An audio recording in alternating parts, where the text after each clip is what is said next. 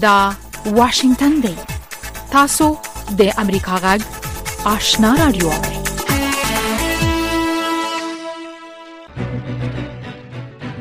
درنو اوریدونکو ستړي مشئ زه نام شابه آشنایم تاسو په روانه خبرونه کې د سیمه او نړۍ په اړه رپورټونه هم اورئ خو لمړی پام وکړئ د سیمه او نړۍ خبرونه ته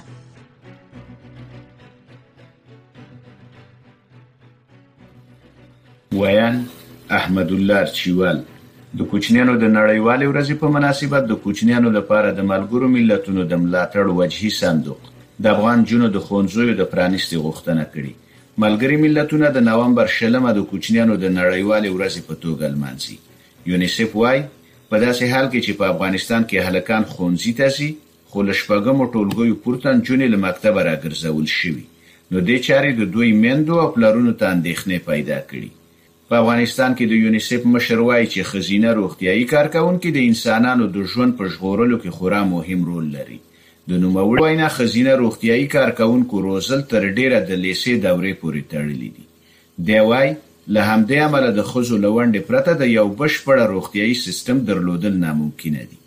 هند په افغانستان کې د نظام له بدلېدو وروسته په سیمه کې د اوسني وضعیت په اړه اندېښمن دی. په هند کې د یو شمېر هېوادونو او سازمانونو استازي راټول شوي او د ترهګرۍ د نه ملاتړ په نوم یې د جمعې او شنبې په ورځ غونډې کړي، خو په دې غونډه کې له افغانستان او پاکستان چا ته د ګډون بلنه نه ده ورکړل شوې. د هند د کورنیو چارو وزیر امیت شاه چې د دې غونډې مشري یې کوله، ویلي، په اګست کې په افغانستان کې د نظام له بدلون وروسته په سیمه کې حالت بدل شوی ځکه د ده په خبره، د القاعدې او داعش نفوذ د سیمې د امنیت لپاره یوه لویه ستونزه جوړه کړي. د افغانستان د بشري حقونو لپاره د ملګرو ملتونو ځانګړی راپور ورکوونکی ریچارډ بینت د ظریفې یعقوبي د خوشې کېدو غوښتنه کړې.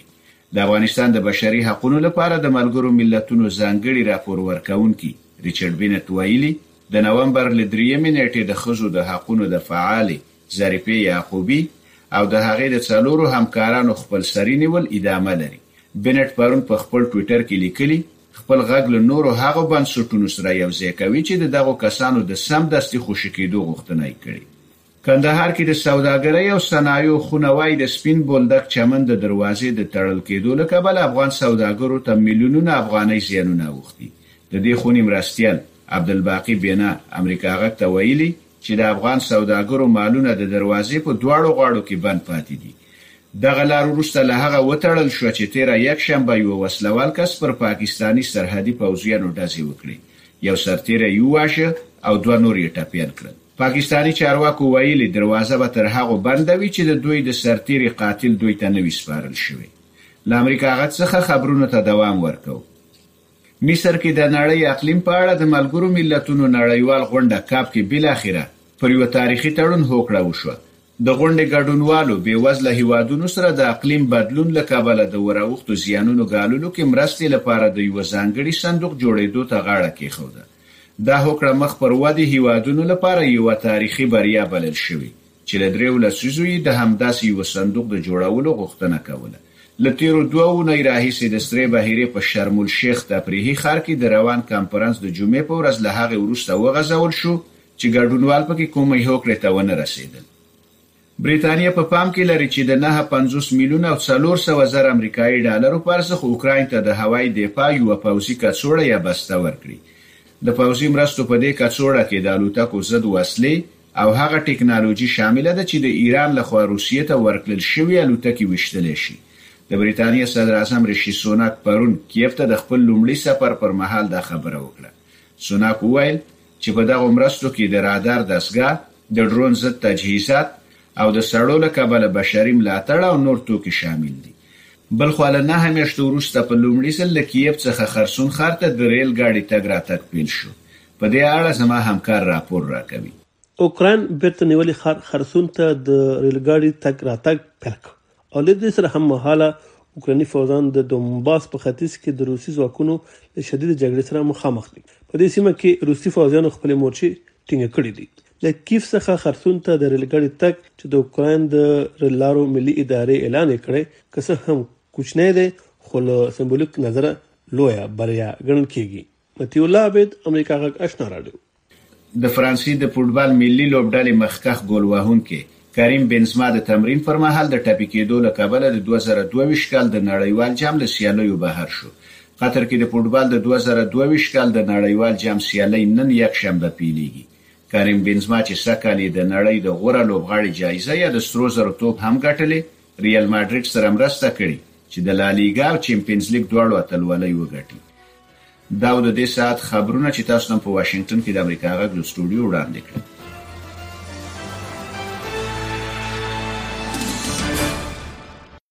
د سیمې او نړۍ خبرونه واوریدل په موقع د سیمې او نړۍ په اړه رپورټونه ته. د افغانستان لپاره د برتانیې شارزفیر هوګو شارتر وایي هغه ادعاوې سمې نه دي چې د ملګرو ملتونو د غړو په ګډون اکثر ویل کیږي چې پر افغانستان باندې د لګیدلو بندیزونو لامل د هیواد د اقتصادي بحران سره مخ شوی دی د اقتصادي چارو افغان کارپوهان وایي د افغانستان بانک د شتمنیو د کنګل کېدو نه وروسته افغانستان واقعا د یو اقتصادي بحران سره مخ شوی دی چې زیات اغیز پر بانکي سیستم کړی دی د افغانستان بانک وایي د دغه هیواد بانکي سیستم د نورمال حالت په لور روان دی په دې اړه نور تفصيل د اکرام شینواری په رپورت کې اورئ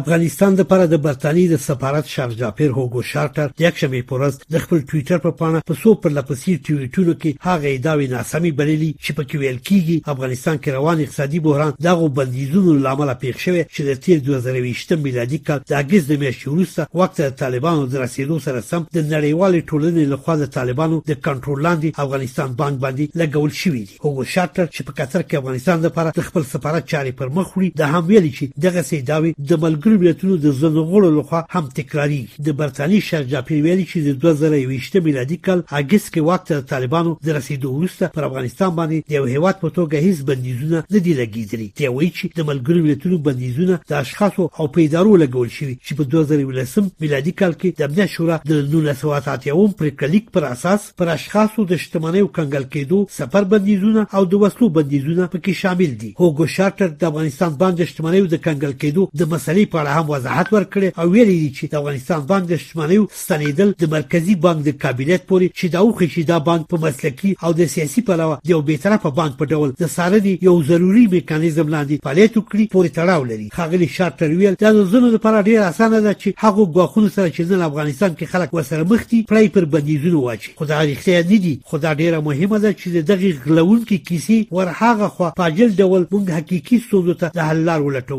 دا یوازینۍ لار ده چې کولی شي افغانستان پر مخ لاړ شي خو د اقتصادي چارو ځینې افغان کارپوهان او پانګوال وایي چې د 2020 میلادي کال د اګست د میاشتې وروسته افغانستان د اقتصادي بحران سره مخ شوی چې دغه بحران یو برخه د امریکا د متحده ایالاتو د حکومت لخوا د مرکزی بانک د شتمنۍ کنګل کېدو پورې تړاو لري د اقتصاد یو استاد عیسی رضای وایي چې افغانستان کې د بانک داري د سیستم بنسټ د نوو بانکي اصولو پر اساس خودل شوی چې پر مخ وړي تخصص پانګي او اقتصادي او سیاسي ثبات ته اړتیا لري اگر یک تحقیق آزاد و شفاف ښاغلي رضايي وویل، که د افغانستان د بانکي نظام په اړه که یو تحقیق په ازاد او شفاف ډول وشي، په پوره ډاډ ادعا کولای شم چې افغانستان کې اوس مهال ټول بانکونه د سقوط سره مخ دي. یوازې د پیسو په پېچکارۍ کولو سره ستونزې نشي هوارېدی، هغه څه چې مهم دي د پانګې اچونې بحث دی، یعنې د پور د اخیستو او پور د ورکولو سیستم چې فعلا د افغانستان بانکي سیستم کې قفل شوی دی.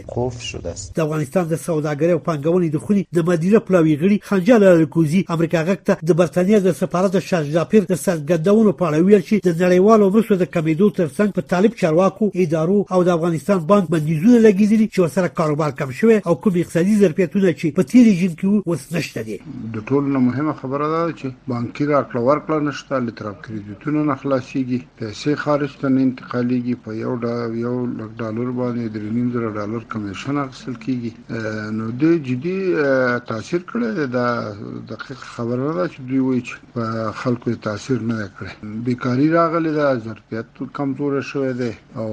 همدارنګه کومکونه کم شوي دي. خو د افغانستان بانک د څارنې د عمومي ریاست مرستیال محمد شفیع نوري په یوه ویدیويي وینا کې چې د افغانستان بانک د ټویټر په پاڼه خپره شوې، ویلي چې دغه بانک په هېواد کې د بانکي سیستم د بېرته فعالولو لپاره جدي هڅې پیل بعد از تحول سیاسی و تعزیرات بین ښاغلي نوري وویل، د سیاسي بدلون او د نړیوالو بندیزونو وروسته افغانستان بانکي سیستم د ډېرو ستونزو سره مخ شوی و.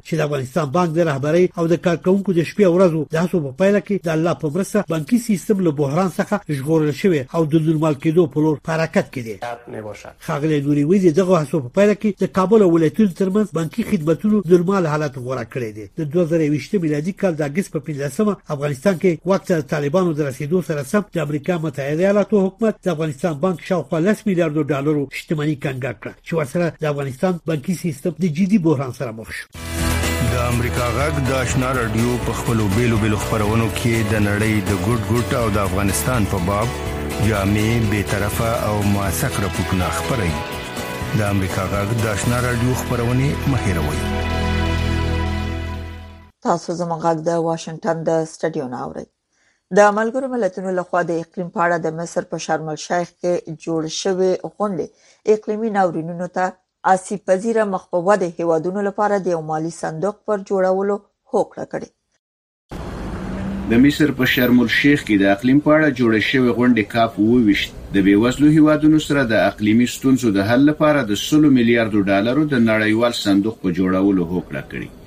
خو دغه غونډه د نړۍ په تودوخې کې یوه نیمه درجه زیاتوالي محدود ساتلو، د متبادلې انرژۍ رامینځته کولو او د کاربن د تولید د راکمولو په اړه کوم پرمختګ نه دی کړی.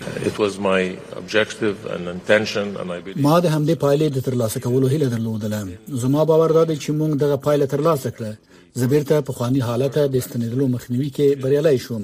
موږ دا روښانه کړې وه چې هغه څه چې موږ تیر کال په ګلاسګو کې په اقلیمي کنفرانس کې تر لاسه کړي وو هغه بنسټیز دي زه به د موجوده وسایلو په نظر کې نیولو سره د نړۍ د تودوخې زیاتوالی تر یوې نیمه درجه سانتیګراد محدود ساتلو ملاتړ ته دوام ورکړم زه به په دغه اړه د شاتګ د مخنیوي هڅه وکړم او په دغه اړه د ستونزو په ګوته کولو کې اخلاقی جرأت هم لرم بلخوا د ملګرو ملتونو سرمنشي د نړۍ د اقلیم د خوندي کولو لپاره د لا زیاتو کړنو غوښتنه کړې. د زیانونو لپاره د یو صندوق جوړول اړین دي، که اقلیمي تغیرات د نړۍ له نقشې جزیرې له منځه وړي او د افریقا ټوله لویه وچه په دښتو بدلوي، نړۍ په دغه اړه یو ستر اقدام ته اړتیا لري دا اړینه ده چې د نړۍ تودوخه کې راغلی زیاتوالی تر یوې نیمې درجې محدود وساتل شي ټول خو باید په دې اړه خپل رول تر سره کړي and end our addiction to fossil fuels. دا لومړی ځل دی چې پرمختللي هیوادونه د بیوزلو هیوادونو سره د اقلیمي تغییراتو څخه د رامنځته شویو زیانونو د جبرانولو لپاره مرسته کوي. خواسک پذیره ټولنې بیا د کاپ اووه ویشت د پایلو په اړه ناهیلې دي. زه فکر کوم خلک په دې اړه ډیر خوشحاله دي چې د زیانونو د جبرانیدو صندوق جوړ شو، خو متاسفانه د ګلاسکو د تیر کال د کنفرانس په پرتله دلته موږ ډیر شاتګ ګورو، چیرې چې موږ تیر کال په دې اړه کوښښ کړی و چې د بومي خلکو حقونه، د بشر حقونه، د معیوبینو حقونه به د کنفرانس په پریکړه کې شامل شي، خو متاسفانه د پریکړه لیک د شپږمې ماده په اړه ډیره عاجله پریکړه وشوه ډیر زیات متن لری شو او له اجندا هم زیات مواد لری شول د اقلیم فعالان د نړۍ د اقلیم د تخریب د مخنیوي په اړه د اقداماتو نه کولو په اړه خبرداری ورکوي. د اقدام نه کولو بیه د اقدام کولو له بیې بیخي زیاته ده. موږ تر 2013 کال پورې یوازې د دا ډول اووه غونډو د ترسره کولو وخت لرو. موږ باید په 2013 کال باندې تمرکز وکړو او بیا له هماغه ځایه پیل وکړو. موږ باید په قاطعیت سره رایوځای شو. افغانستان هم د اقلیمي تغییراتو له امله د وچکالۍ، سېلابونو او داخلي کډوالۍ په څېر له ستونزو سره مخ دی. خو دا چې د بېوزله هېوادونو سره د اقلیمي تغییراتو له امله د زیانونو د راکمولو کې د مرستې لپاره رامنځته شوی دغه صندوق به د افغانستان درد څومره دوا کړي، لا نه ده معلومه. احمدالله ارچیوال، واشنګټن. انتظار پای ته ورسید درنو لیدونکو او اوریدونکو تاسو کولی شئ د امریکا غا ټلویزیونی او رادیوي خبرونه د یاسات ساتلایت له طریقه وګورئ او واوري د نوي سټلایټ لارې تاسو د آشنا اتصال او کاروان ټلویزیونی خبرونه کتلای هم شئ د امریکا غږ د افغانستان څنګه خبرونه په 398 چنل او د آشنا رادیوي خبرونه په 398 چنل کې اوریدلای شئ لملتيامو د تل پشان مننه تاسو زموږ غږ د واشنگټن د سټډیو نه اورئ د امریکا د دفاع وزارت د چارشنبه پر ورځ د اوکرين د تماس د ګروپ په نامه د اوکرين د متحدینو د ومه غونډې کوربتوب وکړ او د اوکرين سره د امریکا د مرستو په همغږي خبرې وکړې د دې مجلس ترڅنګ د امریکا د وسلوالو ځواکونو لوی درسیز ویل ژمه به د جګړې د دواړو لورو ترمنځ د سیاسي خبرو اترو لپاره مناسب وخت نور تفصيل پر رپورت کې اورئ د امریکا د دفاع وزارت وایي چې متحده ایالات او متحدین به یې د امریکا د وسله والو ځواکونو د لوی درستیز د دې ښکاره ارزونې باوجود چې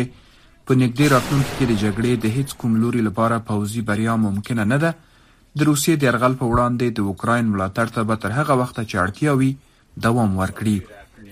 The probability of Russia achieving its strategic objectives د دې احتمال چې روسیه د اوکراین د نیولو خپلې ستراتیژیکې موخې ترلاسه کړي صفر ته نږدې دی خو دوی اوس د اوکراین د خاورې شل فیصده برخه اشغال کړې ده په همدې خاطر د اوکراین د پوځي بریا احتمال داسې چې روسان د کریمیې په ګډون له ټولو اشغال سوو سیمو وباسي په نږدې راتلونکي کې ډیر لوړ نه دی خو هغه وویل چې د سولې لپاره د لنډمهاله سیاسي حل امکان موجود دی. که تاسو غواړئ چې له قوي موقف څخه خبرو ته ورسئ، روسیه اوس د شاتګ په حال کې ده، د روسیې پوځیان سخت تلفات زغمي.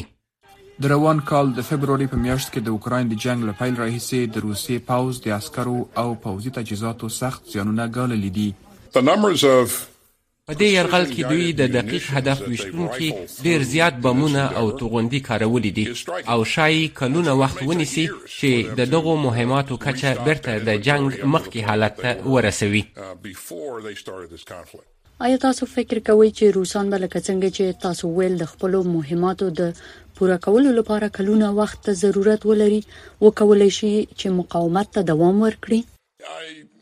زه فکر نه کوم چې اوکراینیان به یې مقاومت کولو ته پریږدي زه فکر کوم اوکراینیان به په دوی باندې فشار ته دوام ورکړي او د جنگ په ډګر کې به حالت بدلون ومومي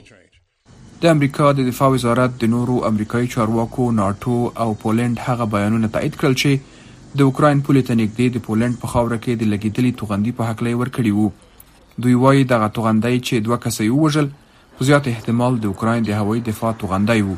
خو د اوکراین ولسمشر دغه ادعا نه مني.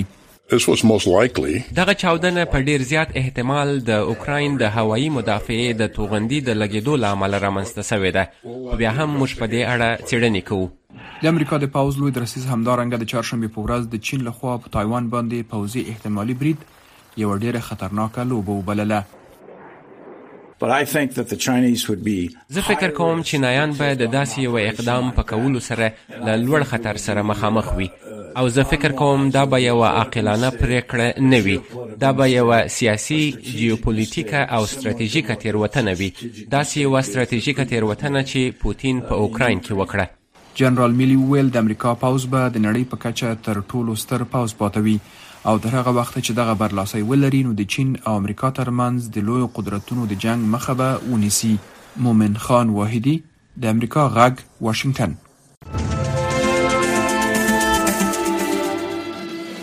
د امریکا غږ آشنا راډیو درنو اوریدونکو!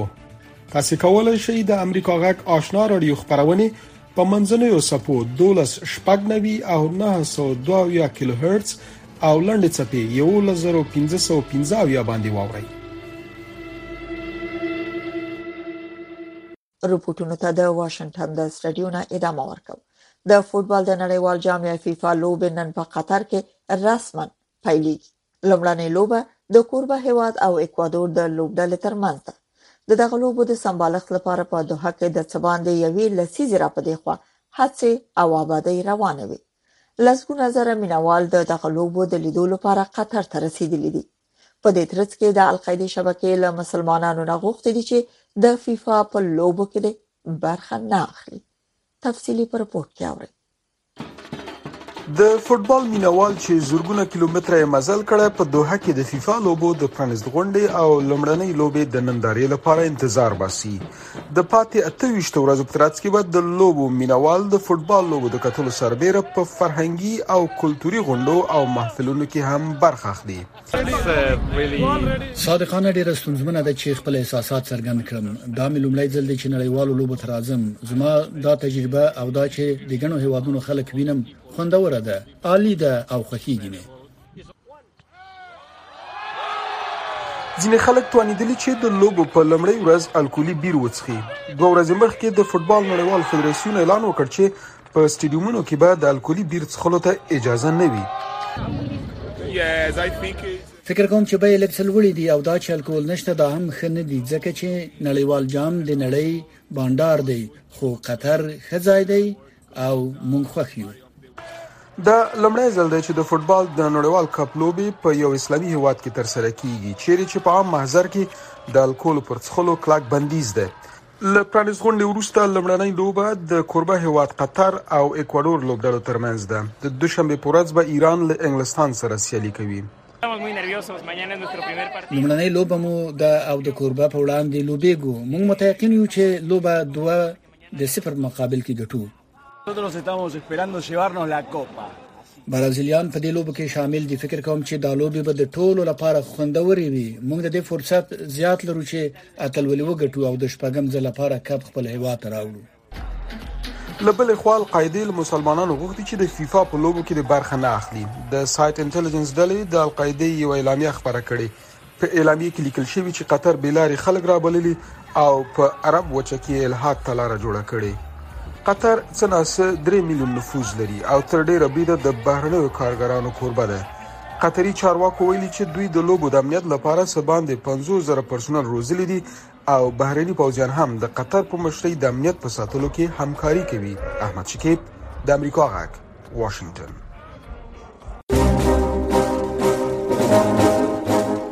ټول د حقایقو د پیدا کولو په لټه کې امریکا غږ په نړۍ کې د موثقو معلوماتو په برخه کې نړیوال شهرت لري امریکا غاک په نړۍ کې د ټولو لپاره د خبرونو باوري سرچینه ده خلک د نړیوالو مسایلو په حق له جامع معلومات غواړي او امریکا غاک دغه معلومات برابروي د امریکا غاک آشنا رادیو یو موثقه معتبره او جامع منبع منځنۍ چپه 1290 او په 15 کارونو کې اف ام 0.15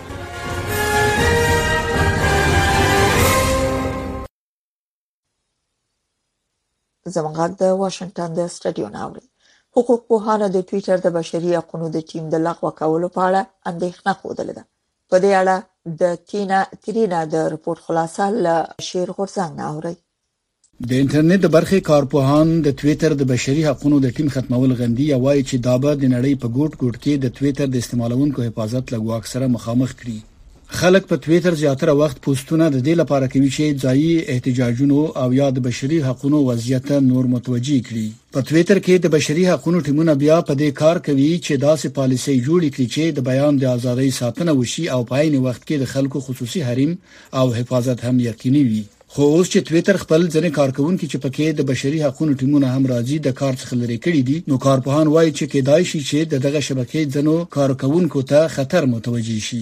د دې مانا دا نه ده چې د بشري حقونو د ټیم په موجودیت کې له ټویټر څخه هیڅ ناوړه استفاده نه کېدله خو موږ په تېرو څو کلونو کې په دې برخه کې د پرمختګ شاهدان وو او دا ویروونکې ده چې فکر وسي چې دغه ټیم دې بیخي موجود نه وي. له هغه وخت څخه چې ایلن ماسک د تویتر کنټرول په لاس کې واخیست نو دغه شبکه د ګډوډیو سره مخامخ شوه، سوداګریز اعلانونه یې کم شوي او ځینې کارکوونکو یې د دغه شبکې د پریښودو ګواښ هم کړی دی. ماسک وایي چې هغه غواړي چې تویتر په اقتصادي لحاظ په پښو ودروي که څه هم هغه د تویتر ځینې کارکونکي د دندو څخه لرې کړي دي خو دغه شبکې چلوونکي وایي چې د محتویاتو په پالیسیو کې تغییر نه دی راوړی تویتر په دې اړه د نورو توضیحاتو د ورکولو نه ډډه کړې ده ځینې کتونکو تشویش څرګند کړی دی چې د چین او ایران په څیر استبدادي رژیمونه ښایي دغه شبکې لاره د خپل نفوذ ساحه پراخه کړي او د تویتر د اکاونټونو د تاییدولو له سیستم څخه ناوړه استفاده وکړي خو د تویتر نوی مشر ایلن ماسک بیا وایي چې د جعلي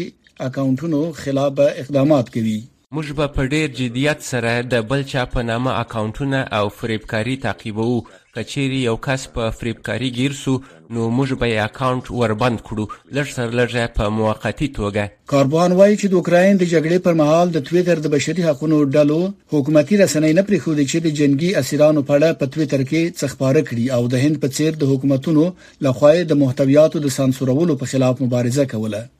د دې ترڅنګ چې یو ټیم موجود وي او سیمه ییز ټیمونه موجود وي څنګه به دا معلومه شي چې څه د نفرت په اساس بیان دی او یا داسې بیان دی چې تشدد راپاروي مونږ د یو خالی دفتر سره مخ یو چې پر پلیټفارم د ډیر تشویش پیدا کوونکو تحولاتو ته عکس العمل وخیو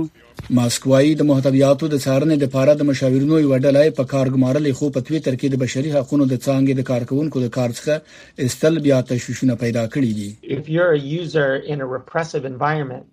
که چیرې تاسې په یوه داسې ټولنه کې چې حکومت یې استبدادي وي ژوند کوئ لکه سعودي او یا په اوسني هند کې نو تاسو به هیله مند یاست چې د ټویټر کمپنۍ به مو حفاظت وکړي یعنی ستاسو معلومات به خوندي وساتي ستاسو مستقیم پیغامونه به خوندي وي او تاسو به د بیان ازادي ولرئ او کمپني به تاسو د تشدد له ګواښونو وساتي خو اوس چې ټوئیټر غواړي چې پیسې جوړ کړي نو دا ورستي تغیرات به په ټوئیټر کې خلک د ته وهڅوي چې د ټوئیټ کولو د خطراتو په اړه فکر وکړي غورځنګ د امریکا غږ واشنگټن کابل دی که زابل که خار دی که هرات په ټول افغانستان کې د امریکا غږ آشنا رادیو منځنۍ چپه 1290 اف ام 0.15 او د خبرونې په ورستي رپورت کې اوري په پا پاکستان کې د ګوزن ناروغي زیاتوالی ته په خبرګون کې په افغانستان کې د پولیو په ضد د مبارزې مسولینو پریکړه کړې چې د چمن او سپین بولدک پر لار تلونکو د هر عمر لرونکو مسافرو ته به د پولیو ضد واکسین عملی کړي نور حال زموږ د همکار صدیق الله صدیقي په رپورت کې تر دې مخکې د افغانستان او پاکستان ترمنځ تلونکو یوازې تر لس کلنۍ پورې ماشومانو ته د پولیو ضد واکسین ورکول کېدی خو اوس اړوند مسولین وایي چې د یاد وایروس د مخنیوي لپاره په یو نوي هڅه کې د هر عمر لرونکو مسافرو ته واکسین عملي کوي په جنوبي ولایتونو کې د پولیو د بیړني عملیاتي مرکز مسول ډاکټر صدیق الله پتیال وایي چې د دې موخې لپاره به په راتلونکي نږدې وخت کې پنځه مرکزونه پرانیستل شي چې دوه به ښځینه او درې به هم د نارینه لپاره وي انشاالله په دا نږدې راتلونکې میاشت یوه نیمه میاشت کې چې دا اوس هم ځای سلیکټ شوی دی انتخاب شوی دی هلته دوه د زنانه ځایونه دي او درې د نارینه ځایونه دي چې ټول هغه خويندې او هغه ورونه چې پاکستان هیواد ته اوړي یا د اخوا راځي د ټول عمر د هر عمر چې حتی که د شپېتو اویاو کالو وي دی به دوه څاڅکي واکسین اخلي دا په دې معنی چې د وایرس د انتقال خطر په ټولو کې زیات دی نه یوازې په ماشومانو روغتي مسولین ټینګار کوي چې د پولیو د مخنیوي یوازینۍ لاره د ګوزاړ ضد واکسین دی چې په عملي کېدو سره د یادې ناروغۍ مخنیوی ممکنه وي. ښاغلی پتیال زیاتوي، دا مهال یوازې د هر عمر پاسپورټ لرونکو کسان لپاره د پولیو واکسین عملي کېږي. روغتي مسولین هیله څرګندوي چې د دې نوي کاري ستراتیژي پر اساس به له پاکستان څخه افغانستان ته د پولیو وایروس د انتقال مخه تر ډېره ونیول شي. د بولدک ولسوالي داسې پېژني چې د افغانستان د یو مهمو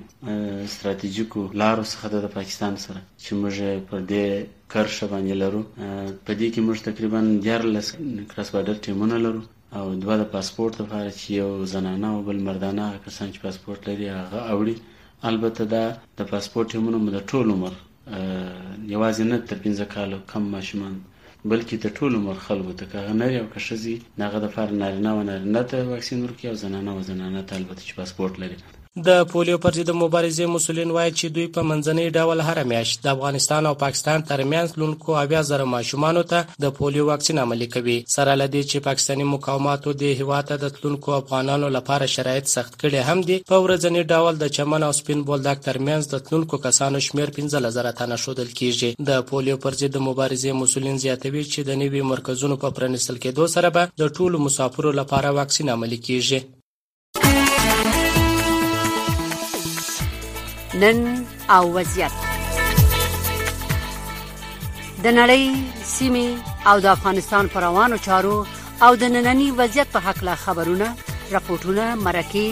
او تحلیلونه هر شپه نه بجې د امریکا غږ آشنا رادیو نه اوري